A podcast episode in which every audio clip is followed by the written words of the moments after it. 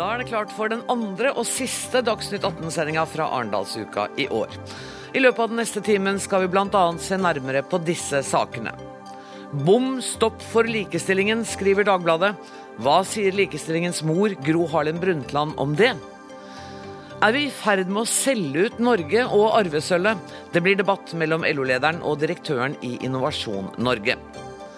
Vi må satse på de unge og innvandrerne i arbeidslivet, mener redaktør. Helt feil, de gamle fordriver ikke andre arbeidstakere, mener seniorene.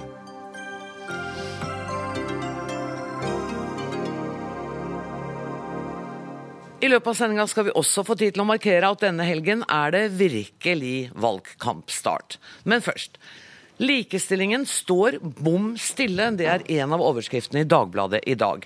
Avisen viser til at samfunnstopper mener de siste 40 årene har det skjedd nesten ingenting på dette området.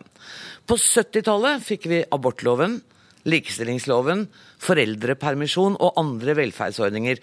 Og mye av dette kan vi takke deg for, Gro Harlem Brundtland. Men er du enig i at det står bom stille nå? Det er lettere å være enig i at det står bom stille nå, enn beskrivelsen av de 40 årene. Fordi det skjedde mye på 80- og 90-tallet også. Eh, blant annet så fikk vi pappaperm. Altså det har skjedd mange likestillingsgjennombrudd eh, i resten av det forrige århundret. Men det har vært dårligere tempo, og det har til dels vært forsøk på tilbakeslag i de siste 10-15 år. Så den delen av det er jeg enig i. Men er det sånn at man nesten må vente seg det? At det er et voldsomt trøkk i noen år, så flater det ut, går litt tilbake, og så kommer det igjen? Ja vel, du og jeg kan jo håpe Ja. at det kommer igjen. Ja. Fordi at eh, det, det har jo skjedd ting også i de siste årene. Sånn som å foreslå at pappapermisjonen går i retur. Det reagerte jeg veldig på. Det syns jeg var et veldig dårlig forslag. Uh, og uh, nå er det spennende. Jeg skal møte LO-lederen sammen med henne med likestilling senere i dag. Og etter denne sendingen. Og, og høre hvordan hun opplever hvordan det ser ut fra arbeidslivets side. Hun som står midt oppi det nå, uh, opplever nok også ting som jeg ville vært med å kjempe og forandre på. Det vil jeg tro. Men vi har jo også da det at det, det står stille i privat sektor. Altså, eh, det er stor gjennombrudd i den politiske scenen. Men eh, vi har ikke mange kvinnelige ledere rundt omkring i samfunnet. Og særlig i de store bedriftene. Så det er noe som gjør at det bremser opp.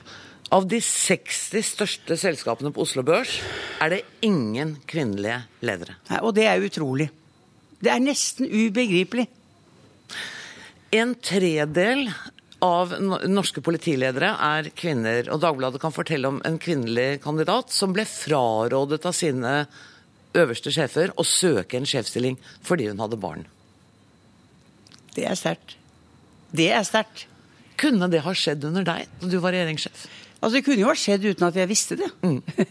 For det foregikk vel ting på bakrom og andre steder som vi ikke visste. Mm. Men dette er jo helt i strid med hele eh, holdningen. Og, og, og den politikken som vi prøvde å slåss for. At det skulle være reell likestilling og reelle muligheter for kvinner og menn. Mm.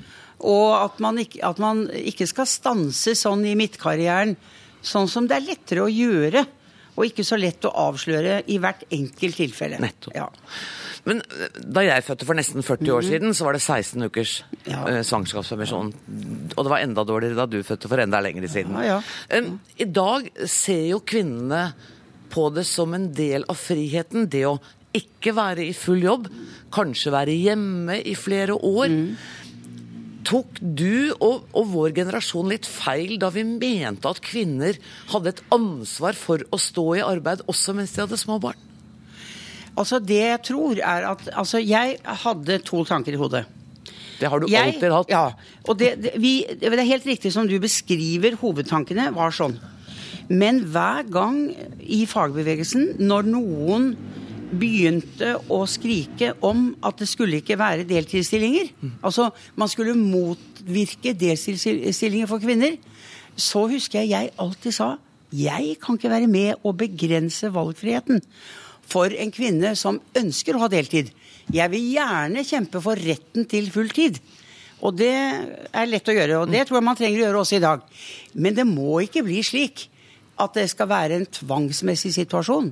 At enten er du utenfor arbeidslivet, eller så er du 100% inne. Det er også feil. Jeg oppfattet at jeg måtte bekjempe den type litt, ja, litt ekstreme holdninger noen ganger. Og det er vel da litt av det. Fordi at vi er rikere nå, og fordi folk faktisk har større valgfrihet, så hender det at noen gjør sånne valg. Uh, som vi kan stusse over, kanskje. Uh, som hadde våre liksom, viktigste år i de valgene vi sto oppe i. Mm. Mens denne kampen om større likestilling faktisk foregikk. Jeg møter jo unge mennesker nå, unge både jenter og gutter, som er 20 år, og som ikke skjønner Det er jo likestilling, sier de. Mm. Så vi trenger ikke å tenke på det. Men det er bare det at hvis man slutter å kjempe for det, slutter å tenke på det, slutter å diskutere det, så glir det tilbake. Og det er litt av det som skjer. Kroppsfiksering, f.eks. På jenter og gutter nå, og på unge menn og kvinner. Har det med det å gjøre? Ja, jeg, jeg, jeg føler at i den kroppsfikseringen som foregår, som også sikkert er styrt av både medier og impulser fra andre land og greier, så er det jo dette med eh, Du skal være slank, du skal være sprek, du skal være pen, og du skal ha langt hår. Og du skal ha lyst hår. Alle de ti Det var ikke den type ø, oppmerksomhet på den type ting. Så vi hadde tid til å tenke på at vi kunne ha de samme typene jobber, de samme rollene, ha det samme ansvaret. Og den, det der utseendefikseringen var ikke sånn. Men hva skal vi gjøre med det, da? På 70-, 80- og 90-tallet. I hvert fall på 70- og 80-tallet. Men hvordan skal vi hjelpe Nei, jeg lurer på, jeg lurer på hva som egentlig kan hjelpe i den sammenheng. For det, dette her, det fører ikke i riktig retning. Det gjør ikke det. Gro Harlem Brundtland, kan vi gå litt tilbake i tid og snakke om den politiske virkeligheten mm. du sto i som regjeringssjef? Fordi jeg har ofte lurt på hvor stor del av det politiske arbeidet var likestillingsarbeidet for deg? Var det med deg i utenrikssaker, i finanssaker? Hadde du det liksom i bakhodet hele tiden? Ja. Øh, sammen med øh, rettferdig fordeling og miljøspørsmål. Mm. Altså, det var de tre viktigste tingene som hele tiden gikk, og hvor jeg så hva er virkningen av dette på helheten. Og på hva som skjer i samfunnet vårt. Det var, Og så var det etter hvert også verdiskapning. Altså det å passe på at vi er produktive, i tillegg til at det er rettferdighet. Mm. Og at det er likestilling, og at vi må ta vare på miljøet. Så det var, det var de tingene som preget holdningene i regjeringen og, og fra min side som statsminister og partileder. Nå reiser du litt rundt omkring i verden og ser. Hvordan syns du Norge kommer ut av det i et likestillingsperspektiv, når du sammenligner med andre land? Altså, jo, Vi kommer jo bra ut når det gjelder politiske rettigheter, velferdssamfunn, barnehage, rett, altså foreldrepermisjon. Alle disse tingene som er politisk bestemt og kjempet fram. De der scorer vi høyt. Men det er klart at når du sammenligner hvor mange kvinner som er i topposisjoner i næringslivet, mm. så faller vi gjennom. Ikke sant? Og det er jo altså, det, Jeg har ikke noe svar, jeg. Hvorfor er det blitt slik? Mm. Hvorfor er det blitt slik at Norge ligger etter på de områdene? Mm. Um, det virker som glasstaket som alle snakker om, uh, er lavere i Norge enn det er i andre land? Ja, for altså, kvinner? Ja, på, altså, fordi hvorfor? Er det faktisk ja. sånn at vi kommer langt ned på den statistikken. Fordi at norske kvinner har alle muligheter ut ifra den familiepolitikken og den politikken vi generelt på likestilling og alt. Så hva er det? Jeg vet ikke.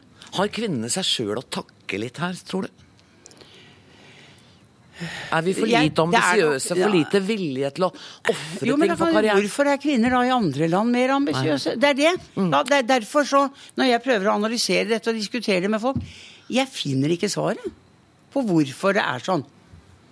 Så der må vi nok gjøre mer forskning her i Norge for å ja, for finne ut hva er, hva er det som gjør i realiteten at vi har et så annerledes bilde. For det er jo ikke det at vi mangler forbilder. Altså, Vi har jo nei, kvinnelige nei, forbilder er, i dette landet. Det er ikke det, altså. Det er noe annet. Og... Har du tenkt å forske litt på dette her? jeg er 76, jeg, vet du. Så ja. jeg kan be andre om å forske nå, jeg. Men jeg mener at det, at det, er et interessant tema. Mm. Mm. Føler du deg likestilt? Ja. Jeg har vel egentlig gjort det fra jeg var barn, men det er litt av Jeg var heldig å ha en familie hvor dette ble understreket. Og hvor det ble en kamparena for meg å gjøre andre likestilte også. Altså, fordi jeg lærte hjemme å, å tenke på den måten. Så jeg ble jo aldri behandlet annerledes enn mine brødre. Men det gjorde mine klassekamerater. Det er helt sikkert. Der var det forskjellsbehandling i familiene. Og nå, i dag, 60 år senere, så er det forskjellsbehandling i store deler av verden. Hvor jentene ikke får utdanning, hvor jentene blir solgt til, eller gitt bort i barneekteskap. Hvor jentene ikke får mat før guttene er mette. Altså, dette foregår over en lav sko i dagens verden. Så kvinnediskriminering og jentediskriminering, den er i forferdelig mange land, og vi har en svær sak å ta oss av. Gro Harlem Brundtland, du har sagt til meg at du vil ikke snakke om den norske innenrikspolitikken. Du vil ikke blande deg i norsk politikk i dag. Kan ikke jeg få spørre deg helt ærlig, savner du det ikke? Altså, når jeg kommer i situasjoner som her og nå, så liker jeg å forholde meg til ja, til deg og til Harald Stanghelle, som jeg var hos tidligere i dag, og Eilertsen, fordi det er moro å snakke om politikk. Men vi har jo ikke da snakket om norsk politikk. Nei, det har vi holdt oss Så jeg unna. slipper liksom den derre greia med å måtte blande meg inn og skurre det til for de som er ledere i dag. For det er det folk gjør ofte når de kaster seg inn i norsk debatt og er eldre statesmen eller women. Så kan det gå galt. Da kan det bli vanskelig å håndtere. Og det har ikke jeg lyst til å bidra til. Men akkurat nå så svarte du ikke på det jeg spurte om. Jeg Jo, men jeg spurte syns det er morsomt. ja, men, Ja, Kunne men- du tenkt deg å vært ordentlig på den Nei, norske arenaen nei. og vært Nei det, statsminister? det, nei, det kunne jeg ikke gjøre. Det kunne jeg ikke tenke meg. Fordi jeg føler at jeg kan være med og gjøre lite grann ute i verden. Med den bakgrunnen jeg har og den erfaringen jeg har. Og da gjør jeg det. For i Norge så klarer man seg selv. Gro Harlem Brundtland, tusen takk for at du kom til Dagsnytt 18. I morgen skal du holde kåseriet her i Arendalsuka. Lykke til med det. Og ha en fortsatt god sensommer. Tusen takk. Hei. Dagsnytt 18 alle hverdager kl 18.00 på NRK P2 og NRK2.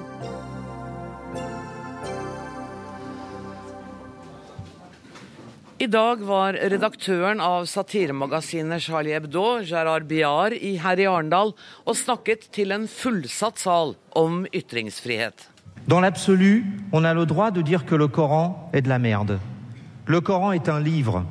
On a le droit de dire qu'un livre, même estampillé saint, est de la merde. On a le droit de le dire du Coran, de la Bible, de la Torah, du Mahabharata.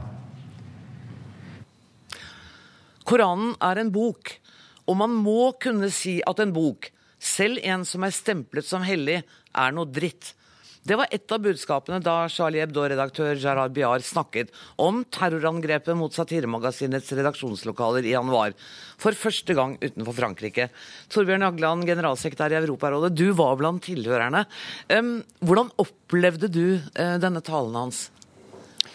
Den var veldig sterk. Sterkt forsvar for ytringsfriheten. Eh, Men jeg, jeg er veldig glad for at salen eh, responderte så sterkt og positivt til det han sa, men jeg er ikke helt sikker på at vi forsto alt han sa. Hvorfor ikke det? Nei, det var jo et eh, 100 forsvar for eh, den franske sek sekularismen, som vi ikke har i Norge.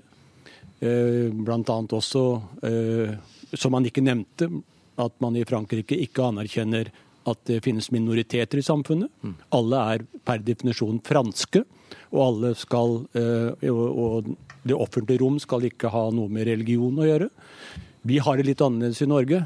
Eh, Eh, Men det er en fransk kultur som eh, går tilbake til eh, en ganske vanskelig situasjon i Frankrike for over 100 år siden, så det er greit. Men, men hans hovedforsvar for ytringsfriheten, den stiller jeg opp på. Og også at man Nå ble dette ordet dritt litt Altså, det er ikke slik det forstås i Frankrike. Nei. Men, men det at man skal kunne kritisere alle, inklusive religion, inklusive Koranen, og inklusive Charlie Hebdo, er jeg helt enig i. Men går han, han snakket jo da, som du sier, om den franske virkeligheten. Går han for langt, syns du, i sitt helt kompromissløse forsvar for ytringsfrihet? Nei, det syns ikke jeg. Han, der er, er jeg helt på linje med han. Men det må jo også sies at eh, vi har en rettstilstand i Europa eh, gjennom Den europeiske menneskerettighetskonvensjonen og eh, Menneskerettighetsdomstolen i Strasbourgs rettspraksis og som er nedfelt i norsk lov, nemlig det at eh, det ikke er lov å oppfordre til vold. Fordi det er en annen menneskerettighet, nemlig retten til liv.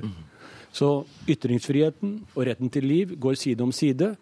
Eh, men, men eh, disse tingene balanseres jo ut mot hverandre, og det er nedfelt i lover i jeg tror alle europeiske stater, og som er konfirmert kan du si, av domstolen i Strasbourg. Du, du, sa på dette møtet med Charlie Hebdo-redaktøren at du mener å se tegn til at ytringsfrihetens fanebærere er i ferd med å dempe seg. Ja, det er en fare ved det som skjer, eh, som skjer at eh, når frykten brer seg, så vil eh, de som skal stå opp, bli litt mer eh, avdempet ikke si det de sa tidligere. Eh, men den største faren er etter min oppfatning at eh, myndighetene vil gå for langt i det å prøve å forhindre. Mm. Man kan egentlig aldri gå for langt i å prøve å forhindre terror. Men hvis man tar i bruk udemokratiske virkemidler, hvis man benytter seg av for stor politimakt, for mye overvåkning, så kan det gå på bekostning av retten til å ytre seg og friheten til det enkelte menneske. Der ser jeg tegn i en rekke europeiske land. Også Norge? Også Frankrike. De nye lovene som kom etter januar-angrepet mot Charlie Hebdos redaksjon, er jo blitt sterkt kritisert av veldig mange, inklusive Europarådet. Vi har stilt spørsmålstegn med det. I Norge så ser vi at PST aksjonerer mot en filmskaper og forlanger å få innsyn i eh, kildene hans. Kildevernet, hvis det rokkes ved, så er vi veldig ille ute. William Nygaard, leder i Penn, du sitter og nikker til det Torbjørn Hagland uh, sier. Mm. Er det ingen grenser for ytringsfrihet? Jo, det er det jo. Uh, og de er jo også lovfestet. Uh, det er ikke dermed sagt at det er alltid enkelt å fortolke hva som er lov, og når man skrider over denne grensen. Men den såkalte rasismeparagrafen er jo et kjent område, som jo for øvrig Stanghelle ved siden av meg her og hans folk har oppfordret til at skal tas mer aktivt i bruk. Og Det er jo en interessant problemstilling. Det vanskelige her er jo at enhver Eh, kritisk holdning til eh, hatefull ytring er jo også en innsnevring av ytringsfriheten. Og hvor går grensen for det overskridende? Dette er en lang debatt, jeg skal ikke gå inn på den. Men det som jo også i dag var interessant, det er eh, at det ene er at Biar påpeker Koranen også som et politisk dokument. han påpeker også det universelle i rettighetene. Eh, i, ja, i menneskeheten, men også i ytringsfriheten og menneskerettighetene. Og da er det jo til syvende og sist, mener jeg, hvis vi skal prøve å se fremover, et stort spørsmål hvor ligger det universelle på det storpolitiske plan? Ja. ja. Har du svaret? Altså Poenget må jo være at uh, alle som eventuelt ønsker fred i denne verden eller de helt sentrale makthavere med de polariserte ulike kulturer de representerer. Hvis de tror, hvis det universelle ikke er en klisjé, så må man kunne møtes rundt et lite bord og si hva er det vi i hvert fall kan jobbe for i fellesskap. Og det, vi er jo ikke der. Vi er så langt unna det nå. Ikke sant? Og det drukner jo også i stor grad av byråkrati. Ja, unnskyld meg. Både i Europarådet og i, og i FN. Harald Stangele, redaktør i Aftenposten. Gerard Biar trykker altså tegninger og tekster som du ikke ville trykket i din avis. Eh, det er nok riktig, og det syns jeg er helt uproblematisk. Fordi at eh, nå har jo vi alle sammen her nede i Arendal vært til stades og hørt eh, både sjefredaktør Bjar og debatten etterpå og det som både William Nygaard og Torbjørn Jagland har sagt. Det avgjørende er jo ikke om en liker Charlie Hebdo og, og, og meningene til redaktøren i Charlie Hebdo. Det avgjørende er hans rett til å gi uttrykk for dem uten å bli utsatt for trugsmål. Vi kan være revnende uenige i måten han og andre framstiller en sak på, men retten til å gjøre det er det avgjørende. Eh, det er ikke noe trykkeplikt i dette landet, men det skal være en trykkerett. Mm. Men hva med min rett til å bli krenket over det han skriver, da? Eller det de trykker? Ja, det er en krenkelse som en må tåle. Og eh, jeg syns jo at en i altfor sterk grad snakker om krenkelsen som nærmest en selvstendig omvendt rettighet, mm. og den er jeg ganske skremt over. Fordi at jeg ser jo en del saker i Norge der vi utfordrer den krenkende ytringen, og vi har en to-tre saker, konkrete saker nå, der vi ser at styresmaktene går veldig, veldig langt. Hvilke saker da? Ja, Vi har, vi har uh, saker med, med mm, filmskaper Ulrik Rolfsen, som Tor Jaggan uh, uh, nevnte, der vi ser at PST i sin i og for seg legitime ønske om tryggleik trakk på en utrolig viktig rettighet, nemlig varslerrettighetene og ytringsrettighetene. Så fikk vi i dag eh, fornya varetektsfengsling av mulla Krekar på grunnlag av uttalelser til Anders Magnus i Dagsrevyen, og vi får beskjed at han blir tiltalt. Er det så opplagt? Og vi har eh, Pegida-leder, eh, sjøl erklært, og, og, og, og, mye rart ellers, Max Hermansen, som ikke tør vende seg tilbake til sin egen skole fordi han føler seg eh, trua. Dette er dette er ytringsfridommens grenseland, men hele ideen om den frie ytring er jo bygd på grenselandstilfellene, og ikke på debatter i Dagsnytt 18. For eh, her eh, tror jeg nok ikke en beveger seg i det grenselandet. Det er ikke outsider-debattene som skjer i Aftenposten eller i Dagsnytt 18. Torbjørn Hagland, er du enig i den beskrivelsen som Harald Stanghelle nå ga? Ja, det er jeg. Um, Men da betyr, det, betyr ikke det at terrorangrepet mot Charlie Hebdo både har vekket til live debatten om ytringsfrihet, som er viktig, men også har skjøvet litt på grensene. Både for oss som føler oss krenket, og for uh, hva man kan si? Nei, det vil jeg ikke si. Altså, man har i grunnen bare stadfestet det som har vært grensene hele tiden. Uh, nemlig at Eh, og som er slått fast i dommer i, Strasbourg. Du har rett til å sjokkere, du har rett til å krenke, du har rett til å drive blasfemi, men du har ikke rett til å oppfordre til vold. Og eh, de fleste land har også eh, lovbestemmelser mot åpen rasisme, men det eh, praktiseres jo veldig strengt i den forstand at hvis det er rasisme som åpenbart kan føre til angrep mot en hel gruppe, så er ikke det lov. Og sånn skal det være, og sånn er det. Og det er ikke skjedd noen endring etter Charlie Hebdo, bortsett fra at en del eh, myndigheter pga. andre ting også, har, har uh, satt i verk tiltak som kan ramme ytringsfriheten, fordi man ønsker å forhindre nye episoder og sette i gang eh, overvåkningsarrangementer uh, osv. Som veldig lett kan gå på den personlige friheten. Og det er dere alle tre bekymret over. Um, William Nygaard, hva innebærer det at det er myndighetene, autoritetene, som på en måte blir den krenkede part, og som setter i verk disse tiltakene? Ja, eh, eh, dette er jo en del av totalproblematikken. Eh, jeg har lyst til bare å kommentere veldig fort eh, om vi har lært noe ja. av dette med, med Charlie Hebdo.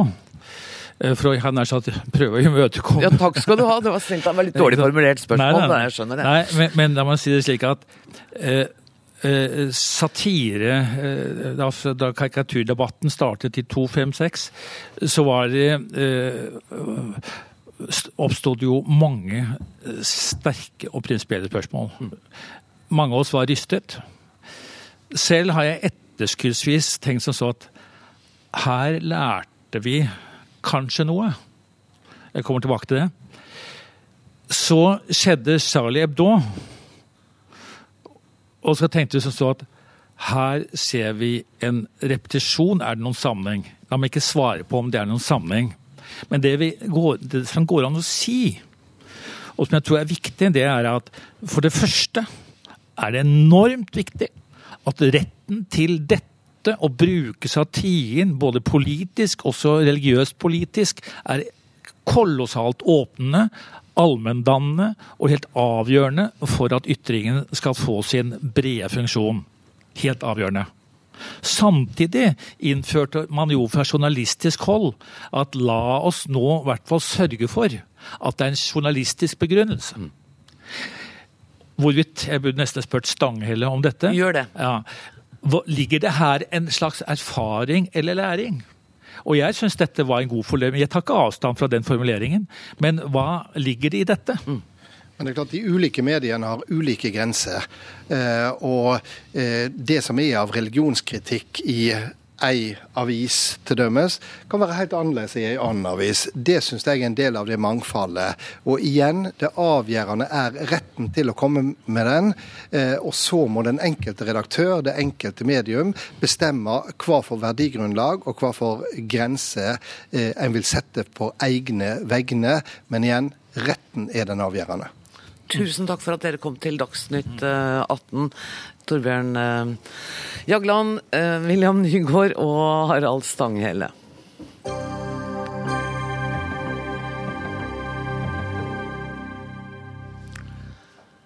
Når eldrebølgen skyller inn over landet i 2020, vil vi trenge mange flere folk i arbeid. Derfor heves aldersgrensen i arbeidslivet, derfor endres pensjonssystemet, og derfor snakkes det mye om at eldre må stå lengre i jobb. Men det mener du er feil ressursbruk og feil perspektiv, Ove Meldingen, sjefredaktør i Telemarksavisa. Hvordan begrunner du det? Altså, Saken er jo ikke den at ikke eldre folk er en ressurs, men saken er den at samfunnet myndighetene og mange av organisasjonene er veldig opptatt av folk over 67. Men vi klarer ikke som samfunn å ta skikkelig tak i det at våre nye landsmenn i altfor liten grad tar del i arbeidslivet. Vi klarer ikke ta tak i at uh, f.eks. 50% høyere arbeidsledighet blant 20-åringer enn blant 50-60-åringer. Vi klarer ikke å få uh, bevegelseshemmede som ønsker arbeid, ut i arbeid. Så jeg mener jo at fokus er helt feil når man er så opptatt av at folk skal stå til de er 70 eller 75 år. Eh, det er andre ting som er mye viktigere, mener jeg. Og det er ganske modig av deg, for da så å si hele det politiske Norge, partene i arbeidslivet, forskningsmiljøer som f.eks. SSB, mener at eldre må jobbe mer hvis vi skal ta unna behovene i helse- og omsorgssektoren i årene som kommer. Jeg vet ikke om det er modig, men vi har jo Jo, litt modig. Vi har jo ja, men vi har en sånn tendens her i Norge til at vi skal være så enige om alle mulige ting, og så skal ikke man nyansere bildet. Litt sånn kardemommedebatt. Mm. Og jeg mener jo at det er ganske opplagt at vi har mye større utfordringer i dette landet enn at 67-åringer skal jobbe tre år lenger. Eh, eh, og man bruker store økonomiske virkemidler for å få til dette her med at man skal stå lenger i arbeid. Men jeg mener altså at Hvis du har for vært i industrien, du begynte i arbeid da du var 16 år gammel, så har du altså jobbet i 46 år når du er 62. Da syns jeg disse folkene fortjener å kunne nyte sitt otium uten at hele, hele samlede samfunnet er etter dem. Kari Østerød, direktør i Senter for seniorpolitikk. Har man jobba i noen og 40 år, så kan man kanskje få lov til å slappe av litt? Ja, vet du hva, det er jeg helt enig i. Eh, og dette målet om at eh, folk skal jobbe lenger, det betyr ikke at alle skal jobbe til de blir 70 eller 72 år. Men eh, kanskje at langt flere enn i dag gjør det. Og at vi jobber litt lenger. Altså Dette handler først og fremst ikke om å, å resirkulere pensjonister. Det handler om at mens vi er yrkesaktive og, og på høyden og, produktive, at uh, vi motiveres og stimuleres til å jobbe kanskje ett, to eller tre år lenger enn vi gjør i dag. Og jeg har bare lyst til å si at jeg føler at uh, meldingen her uh, konstruerer en generasjonskonflikt som jeg mener ikke er der. For dette er ikke en kamp mellom de eldre arbeidstakere og andre svake grupper. Det syns jeg rett og slett bare er tøys. Eh, målet om at folk skal jobbe lenger, det er ikke noe vi gjør for å være snill med gamlingene. Dette handler om finansiering av velferdsstaten. Det handler om at vi blir så mange eldre i dette landet. og velferdsstaten finansieres av folk i yrkesaktiv eh, alder og av yrkesaktive. Og i den eh, gruppen så blir de eldre arbeidstakerne viktigere og viktigere. Men, men, har ikke meldingen et poeng i at når det gjelder eh, de som kommer til Norge fra andre land, så er deres representasjon i yrkeslivet foruroligende lav. Det er det også generell enighet om. Mm. Og det er for høy arbeidsløshet eh, blant de unge funksjonshemmede og andre som ønsker det til jobber, kommer ikke inn på markedet. Står ikke vi gamlingene litt og sperrer for det? Altså jeg er helt enig at uh, vi har mange utfordringer i norsk arbeidsliv. Uh, men jeg tror det går an å ha flere tanker i hodet samtidig. Det, uh, det at vi ønsker å stimulere til lengre yrkesliv for de eldste, betyr ikke at vi ikke skal jobbe med de andre problemstillingene også. Og det at de eldre tar jobbene fra de yngre, det er en myte som flere ganger har blitt avlivet. er det ikke sant? Det er ikke sant. Fordi? For å si det veldig enkelt arbeid avler arbeid. Eh, arb mengden arbeidsplasser er ikke en konstant størrelse. Den er påvirkbar, og den påvirkes spesielt av at vi jobber. Mm. Altså Folk som jobber, de etterspør varer og tjenester og skaper nye arbeidsplasser. Så enkelt er det. Men, men rent samfunnsmessig så er det jo opplagt at det er mye større problem for samfunnet at en 29-åring Eh, av en eller annen grunn ikke kommer seg inn i arbeid, enn en 69-åring skal stå litt til. Altså, Hele perspektivet er jo helt feil. Det er jo klart at det er mye viktigere for samfunnet vårt at noen som i starten ut av den yrkesaktive karrieren sin får anledning til å, å finne seg til rette i arbeidslivet, enn at man skal dra de siste årene ut av folk som har stått i arbeid i langt over 40 år. Eh, og Når du sier at det er tøys, da, og at vi skal ha to tanker i hodet samtidig. Det er andre eller tredje som sier bare nå i denne programsendingen her. Så, så, må jeg si at når man prioriterer alt, når man prioriterer alt, så prioriterer man ingenting. Og for samfunnet vårt for Norge så er det helt opplagt at det er mye viktigere å få inn folk i arbeid nå, enn å holde på de lengst mulig. Eh, Statistisk sentralbyrå og denne forskeren som var med på en debatt før i dag, sa at uansett hvordan vi fremskriver eh, disse tallene, uansett så er ikke denne eldrebølgen en trussel. Det er en myte. Du snakker om myter. Det er en skapt myte at det er en trussel. Det kommer til å være en vesentlig eh, forbedring ut av den materielle standarden, uansett hvordan vi fremskriver det. Det er bare spørsmål om hvordan vi kan fordele det. Og, og, og Da mener jeg at det at eldre folk skal kunne ha et godt siste kapittel i, i livet sitt, er mye viktigere enn at man skal dra de siste arbeidstimene ut av dem. Østerud? Ja, Men nå siterte du bare halve foredraget til uh, Holme fra Statistisk sentralbyrå. Han er dessverre ikke her, for han Nei. har reist hjem. Men det han sa, er at uh, det blir av avgjørende betydning at vi jobber mer. Uh, både flere timer og at vi er lenger i arbeidslivet hvis vi ikke har lyst til å betale 60 eller 70% i skatt. For dette handler om finansiering av velferdsstaten. Så der er nok Holmøy helt enig med oss. Tusen takk for at dere kom til Dagsnytt 18, begge to. Da mener jeg Ove Meldingen og Kari Østerud.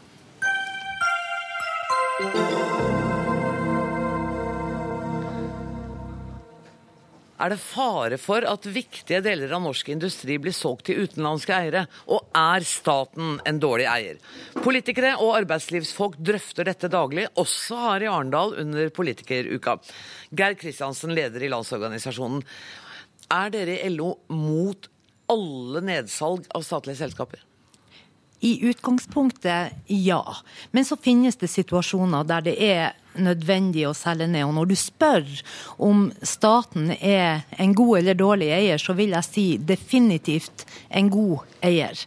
Eh, det er en suksesshistorie det at staten har eid mange av de store flaggskipene vi har. Det har vært effektivitetsdrivende. Det har det har eh, fremma innovasjon og nyskapning i landet vårt som vi bare kunne ha drømt om hvis vi ikke hadde hatt staten som eier. Du sa at eh, dere i prinsippet er imot nedsalg, men det finnes situasjoner hvor dere kan vurdere det annerledes. Er det konkrete eksempler på den type situasjoner man kan se for seg? Nei, Blant annet så var jo ikke vi imot når man delprivatiserte Statoil. Eh, Så det har vært situasjoner der vi har syntes det har vært greit at det kom inn eh, kapital.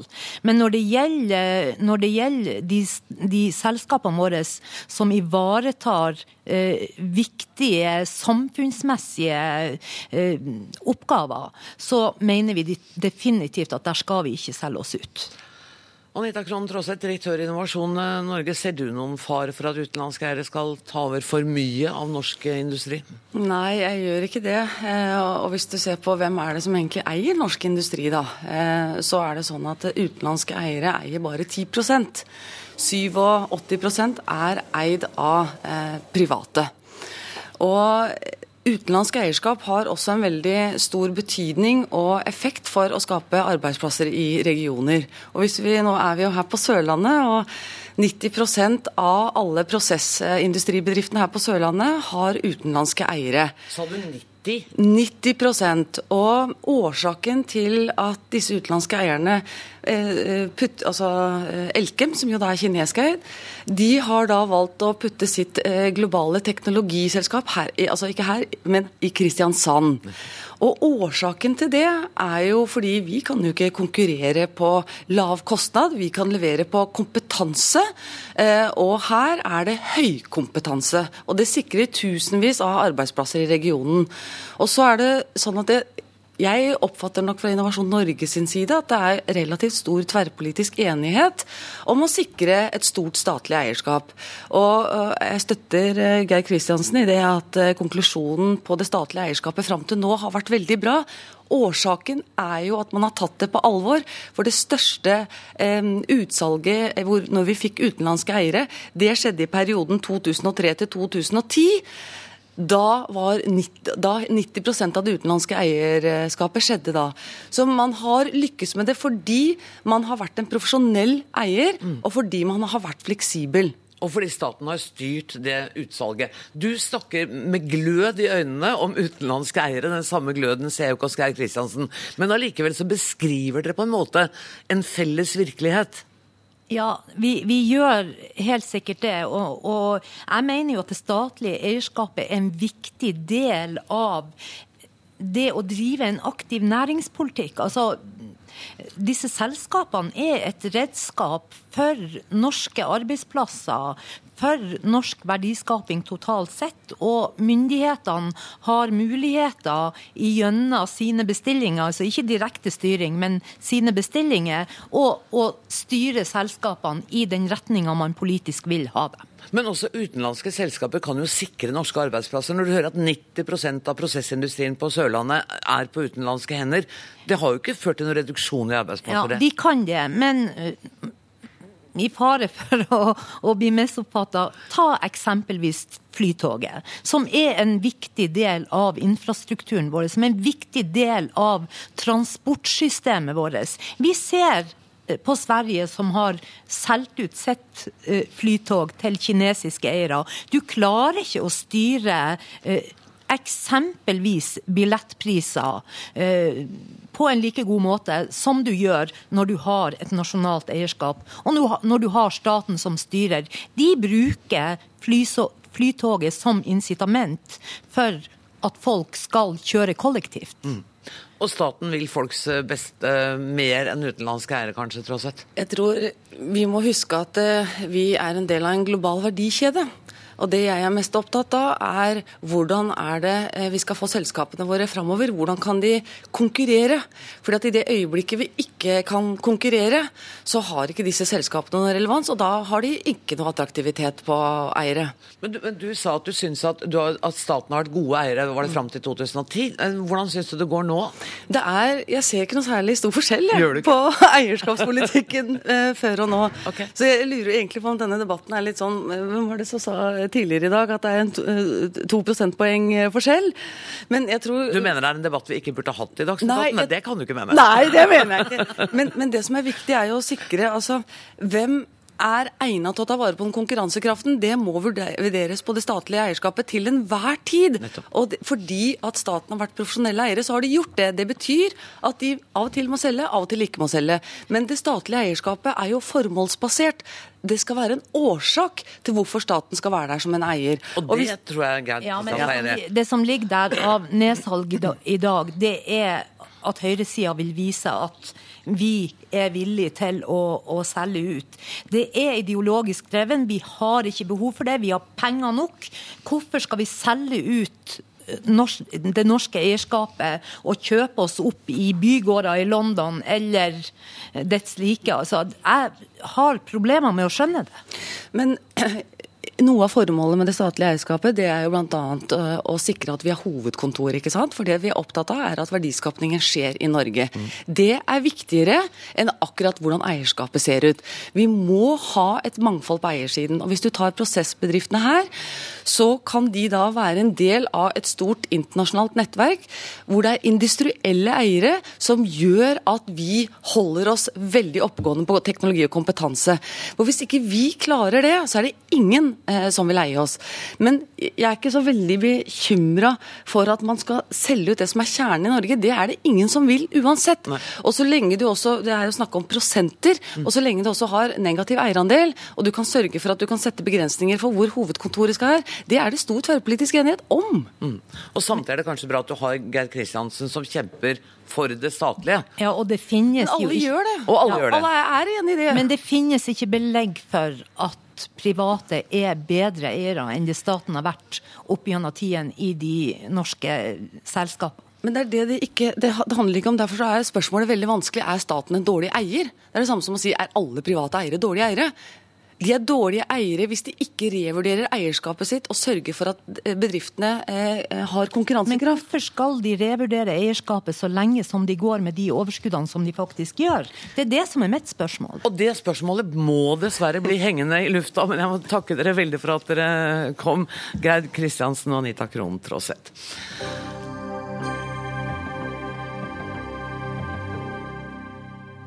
De to damene blir avløst av eh, to herrer. For denne helgen sparkes valgkampen skikkelig i gang for alvor. Ikke bare her i Arendal, men over hele landet.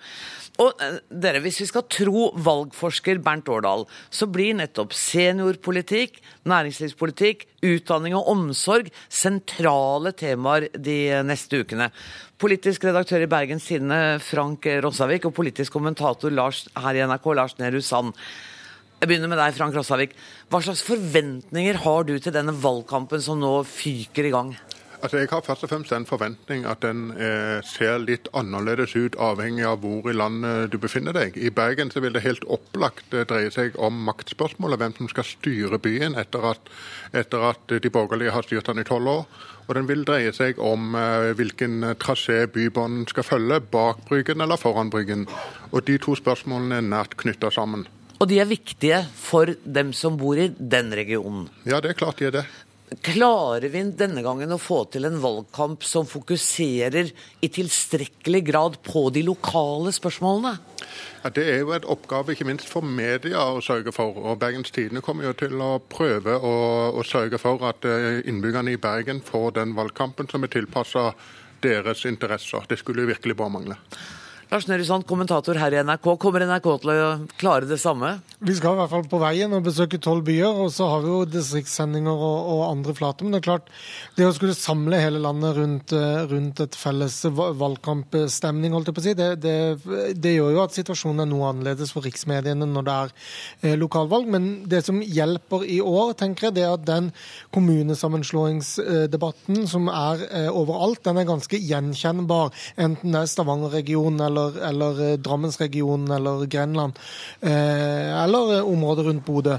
Og, så det gjør det litt lettere. Og så tror jeg det også gjør det litt lettere at det er veldig spennende maktstrukturer, maktutfordringer og, og mulige bytter, helt sannsynlig, veldig mange steder. Sånn at kommunereformen kommer til å bli en viktig del av denne valgkampen? Ja, Nå har den jo kommet sånn i gang, men jeg tror valgkampen som sådan Det er ikke sikkert at det vi husker denne valgkampen for. Eh, og så er det en ekstra spenning selvfølgelig knyttet til valget i de store byene, og, og kanskje Oslo aller mest. Det, det, som, det, som, er viktig med kommunereformen, er jo at Arbeiderpartiet og Høyre ikke nødvendigvis er så interessert i å snakke om den, fordi de er interessert i å slå sammen kommuner, om, om nødvendig med tvang til slutt. Eh, til og med Arbeiderpartiet har jo etter hvert kommet til at det er det de vil. Mm. Eh, og, og de, to, eh, de, to, partienes standpunkter er ikke så populære, så jeg tror de to største partiene kanskje ikke vil hause den saken så veldig opp. Hva tror du de to største partiene har lyst til å snakke mest om? da? Arbeiderpartiet vil gjerne snakke om skole, tillit til læreren, den type ting. Og Det samme vil jo Høyre. Høyre er jo også opptatt av skolepolitikk. Mm. Kommuneøkonomi vil være viktig. Eh, I, eh, og, og, og styringsspørsmålet, maktspørsmålet, er veldig viktig både for Høyre og Arbeiderpartiet, fordi de kjemper om de store byene. Mm. Så ligger jo arbeidsplassene og den økonomiske situasjonen der som en joker, som, som i noen regioner er, er helt påtrengende viktig, og, og, dermed vil også handle litt om hvordan landet blir styrt. Og i en nasjonal setting, det skal være partilederdebatt eh, allerede på mandag, så er det klart at det spørsmålet vil også henge over, over valgkampen. Og så er det da litt spennende med disse småpartiene også. Jeg mener, Miljøpartiet De Grønne og SV eh, er tjuver på samme marked eh, og er allerede i diskusjon. Kan dere si noe om hva er liksom tålegrensen for disse ulike partiene? La meg begynne med deg, Lars. Miljøpartiet De Grønne kommer til å gjøre et godt valg, det er det ingen tvil om. De, vi kan komme i en situasjon hvor de er inne i kommunestyret eller bystyret i alle de nummer én og nummer to-kommunene i hvert eneste fylke. Eh, og Det vil jo være et virkelig nasjonalt gjennombrudd for, for eh, det partiet. For SV og Fremskrittspartiet spesielt så er det jo knytta eh, spenning til deres oppslutning. For SV er det jo psykologisk viktig å komme over 4 selv om det ikke betyr noe rent praktisk. Og for Fremskrittspartiet må ikke regjeringen regjeringsslitasjen blir for stort. og det er klart Hvis de kommer under 10% oppslutning, så vil nok det kunne bli en, en, eh, en tøff intern debatt i, i, partiet. Du er enig i jeg, helt, jeg er helt enig i det. Jeg har jo lenge trodd at eh, det vil komme en diskusjon om regjeringsdeltakelse i Frp hvis de gjør et dårlig kommunevalg, og det ser det ut til at de gjør. Og Miljøpartiet De Grønne er kjempespennende, fordi de har vokst og vokst til tross for at de egentlig ikke har markert seg noe særlig i debatten. Og det er jo en fantastisk prestasjon. Men vokser de da utelukkende på bekostning av SV? Nei, de trekker jo, eh, de trekker jo uh, velgere fra mange hold. Altså, de trekker jo alle de velgerne som er interessert i miljø, men ikke interessert i ansvar. Uh, og, og, det er svært attraktivt. Kan være også i et kommunevalg. Jeg gleder meg til denne valgkampen. Gjør dere? Absolutt. Ja, det er absolutt. Tusen takk for at dere kom, Lars Nehru Sand og Frank Rossavik. Hør Dagsnytt 18 når du vil. Radio NRK Radio.nrk.no.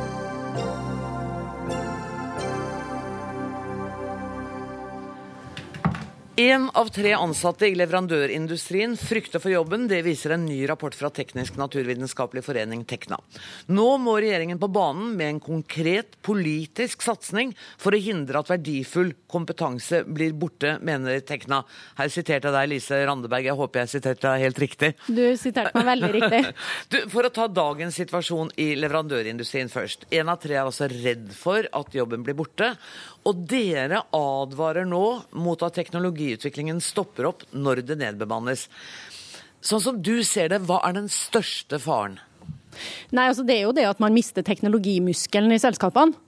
Og da, da, da ødelegger man jo for fremtidig innovasjonsevne og produktivitet, rett og slett.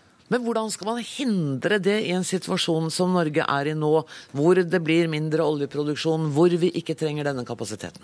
Altså, en ting er jo at vi kommer til å ha olje- og gassvirksomhet i Norge lang tid fremover. Men vi må jo òg klare å tenke på andre ting samtidig, og satse på nye områder. Vi må komme i gang med innovasjon, vi må gjøre det lettere å skape bedrifter. Vi lanserte også en rapport i går. Den rapporten viser at antallet gründere i Norge faktisk går ned. Det går ikke opp som vi skulle tro når de her innovative menneskene blir stående uten jobb. Da skal vi tro de skapte sine egne arbeidsplasser. Det gjør de ikke. Hvorfor ikke det? I tillegg så er vi nødt til å ta tak i den fantastiske teknologien vi har skapt de siste 40 årene. Hvordan kan vi bruke den inn i andre bransjer? Ja, det skulle til å spørre om, Kan vi bruke den til noe annet? Ja. Eh, tre av fire sier at de har en kompetanse som kan brukes i andre bransjer. Og det, De kan brukes i fornybar energi, de kan brukes i havbruk, de kan brukes i helse. Det kan brukes mange plasser. Vi trenger å få til teknologioverføring. Problemet i dag er at vi ikke har et system for teknologioverføring i Norge. Tina Bru, du er stortingsrepresentant for Høyre i energi- og miljøkomiteen. Jeg føler at litt av denne kraftsalven går mot deg. Eh, tallet på gründere går ned. Det stemmer jo ikke med Høyres program? Nei, altså Vi er jo veldig altså, opptatt av å føre en aktiv næringspolitikk nettopp for å ruste Norge til den omstillingen som vi vet at vi er på vei gjennom. Mm. Så er det nok litt tidlig å konkludere allerede nå med at de som har forlatt jobbene sine i olje- og gassbransjen, ikke skaper nye arbeidsplasser eller ikke gjør noe nytt. For dette har jo det har ikke vart så lenge. Men, Men tallet på gründere er jo riktig. Ja. Det har altså sunket. Nå. Derfor trenger man en større satsing, og det er jo nettopp det denne regjeringen også har prioritert. Altså Vi har brukt 1,5 milliarder mer på forskning og innovasjon i næringslivet siden 2013. Vi er på riktig vei. Vi har pekt ut nå syv nye innovation clusters i Norge som kommer til å ha betydning. Det skjer veldig mye bra rundt omkring. Altså Ikke minst den arenaen vi har hatt her i Arendal nå, og det møtet som Tekna hadde i dag, er viktige møteplasser for å snakke om disse tingene. Og det skjer mye bra. Ja, for å snakke om, men skjer det noe da? Jeg mener jo at når man har, eh, når man har etablert nye næringsclustere som er så viktige, som òg viser at der sitter det mennesker som tenker nytt og som ser nye veier, sånn som Subsea-miljøet, som nå ser hvordan kan vi bruke kompetansen vår fra offshorenæringen inn i havbruk, f.eks. Det er et konkret eksempel på ting som skjer, og det skjer nå. Svartmaler du det? Kanskje litt. Nei, men det som er poenget, er at eh, teknologioverføring i dag er tilfeldig. Mm. Folk møter hverandre på bussen eller en flyplass eller et møte. Men eh, vi må finne et system hvor vi faktisk kan få ført dem sammen. Lag en møteplass, en arena hvor den gode fagarbeideren kan møte ingeniøren fra en annen bedrift, samtidig som problemeieren fra f.eks. helsevesenet er der. Da kan vi virkelig skape de nye, gode prosjektene. Og da må staten inn? Ja, da må vi bruke virkemiddelapparatet. Vi har mange virkemidler som fungerer. Dem kan vi fortsatt bruke. Poenget er at vi trenger på en måte en preceding, altså en forport til ja. det systemet. Hvor vi kan få folk inn, sette dem sammen, la dem skape ideene, la dem skape prosjektene. Låse dem inn en periode og si 'her blir dere' til dere har funnet på noe glupt. Ja, rett og slett litt, ja. big, litt big, brother. Terje Aasland, stortingsrepresentant for Arbeiderpartiet energi og miljø. Litt big brother-tenkning eh, systematisert. Kunne det komme noe bra innovasjon ut av det? Ja, jeg, jeg tror det. Fordi at eh, vi er inne i en veldig alvorlig situasjon. Altså Nå har vi den høyeste arbeidsledigheten på ti år. Eh, og Rapporten til Tekna underbygger at det som har vært drivkraften i norsk økonomi, nemlig olje- og gassektoren, den har større utfordringer enn det en egentlig har snakka om tidligere.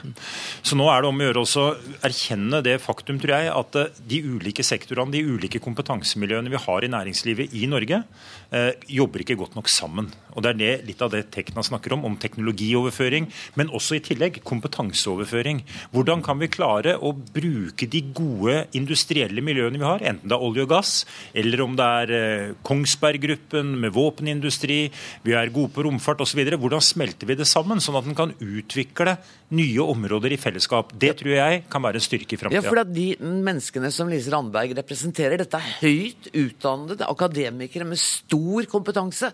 og vi risikerer altså at de blir gående arbeidsløse, Tina Bru? Nei, jeg tror altså, Nå har jo også regjeringen lagt frem langtidsplan for forskning, hvor man peker på noen konkrete områder som man ønsker å gi et tydelig signal om at her vil vi satse. F.eks. klima og miljø, f.eks. havbruk. Bruke våre naturgitte forutsetninger for å skape nye næringer og skape den grønne omstillingen. Men det kommer jo selvfølgelig ikke av seg selv. Og så tror jeg jo at det, altså, Terje Aasland sier her at oljenæringen står i en større utfordring enn det vi har visst tidligere. Altså, Vi visste dette kom, dette har vi visst lenge. Næringen visste det sjøl. De er i en prosess nå som egentlig er en helt annen prosess enn den store omstillingsdebatten om det grønne skiftet.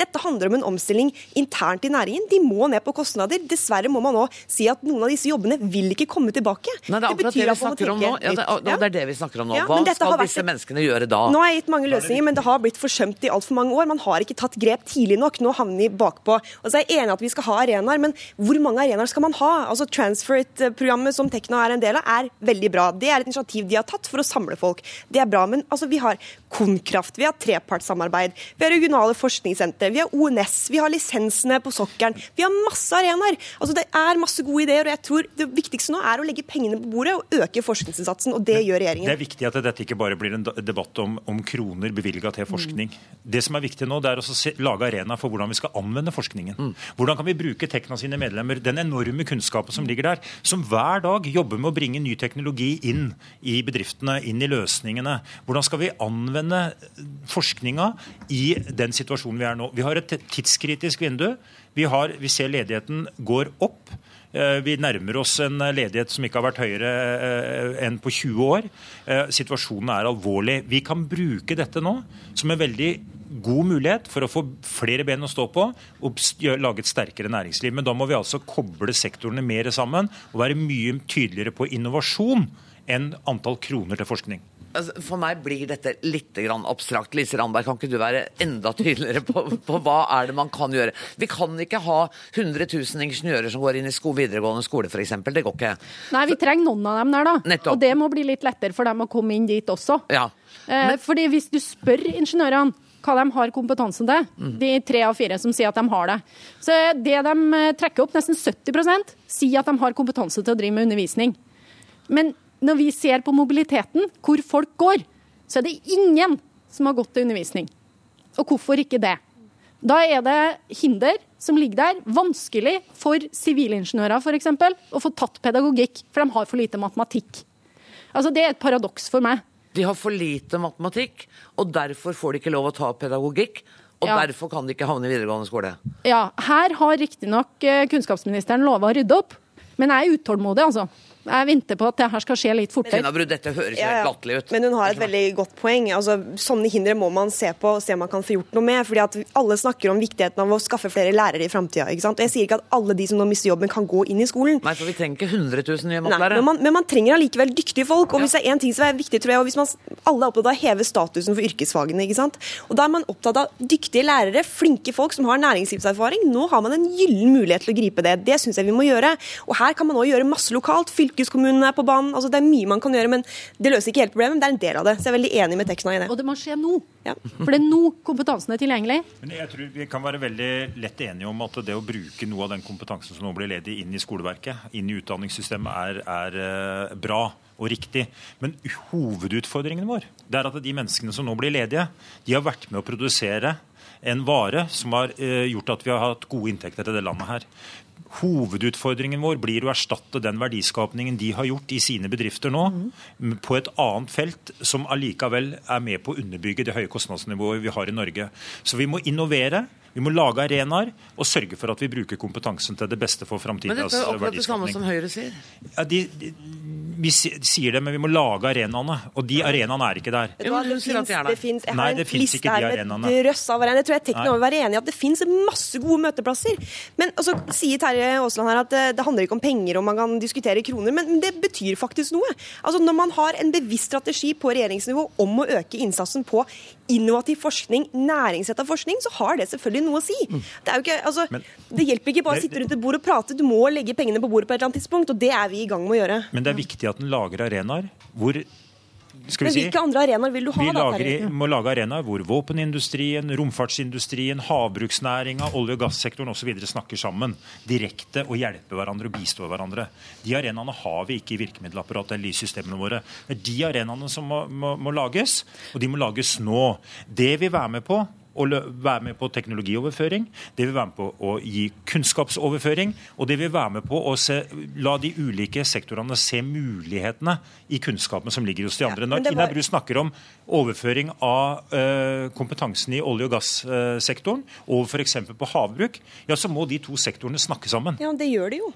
Men de må snakke sammen mer og bedre, og de må jo bli en kultur for det i Norge, og det har vi ikke hatt. Jo, jeg mener vi, vi har det. Vi kan bli bedre, det er jeg enig i. Men jeg mener at det gode arenaer. Senest i dag så var jeg på et møte her i Arendal i regi av Norsk olje og gass, hvor de snakket om teknologioverføring fra nemlig offshorenæringen inn i andre næringer. Der var DNVGL og snakket om hvordan de ser på DNVGL. Ja, altså ja, De snakker da om muligheter for å bruke eh, havvindmøller til trykkstøtte offshore. Det er også et konkret eksempel. Så det fins mange gode initiativ, og de arenaene er der. Men det er fortsatt anekdotisk, og vi må gjøre det veldig mye mer. Og de arenaene vi allerede har som fungerer, de må koordineres bedre. Og hvis vi har andre arenaer, møteplasser, hvor vi kan på en måte sette folk sammen, la dem skape de gode ideene, og så kan vi la dem søke virkemiddelapparatet og de virkemidlene vi allerede har. Da blir vi også mer treffsikre på de pengene vi allerede bruker, og får en større sjanse for suksess når vi bruker de pengene. Og jeg er utrolig lei av prat. Altså, nå må det begynne å skje noen ting. Så bra. Vet du hva, Der fikk du siste ordet. Kjære venner, jeg er nødt til å sette strek for denne siste Dagsnytt 18-sendinga fra Arendalsuka. Jeg må bare si tusen takk til Lise Randeberg, Tina Bru og Terje Aasland. Og så skal jeg helt på tampen fortelle at ansvarlig for sendinga i dag var Ingebjørg Sæbu. Det tekniske ansvaret har Frode Thorshaug. Jeg heter Anne Grosvold og ønsker dere alle en riktig god kveld.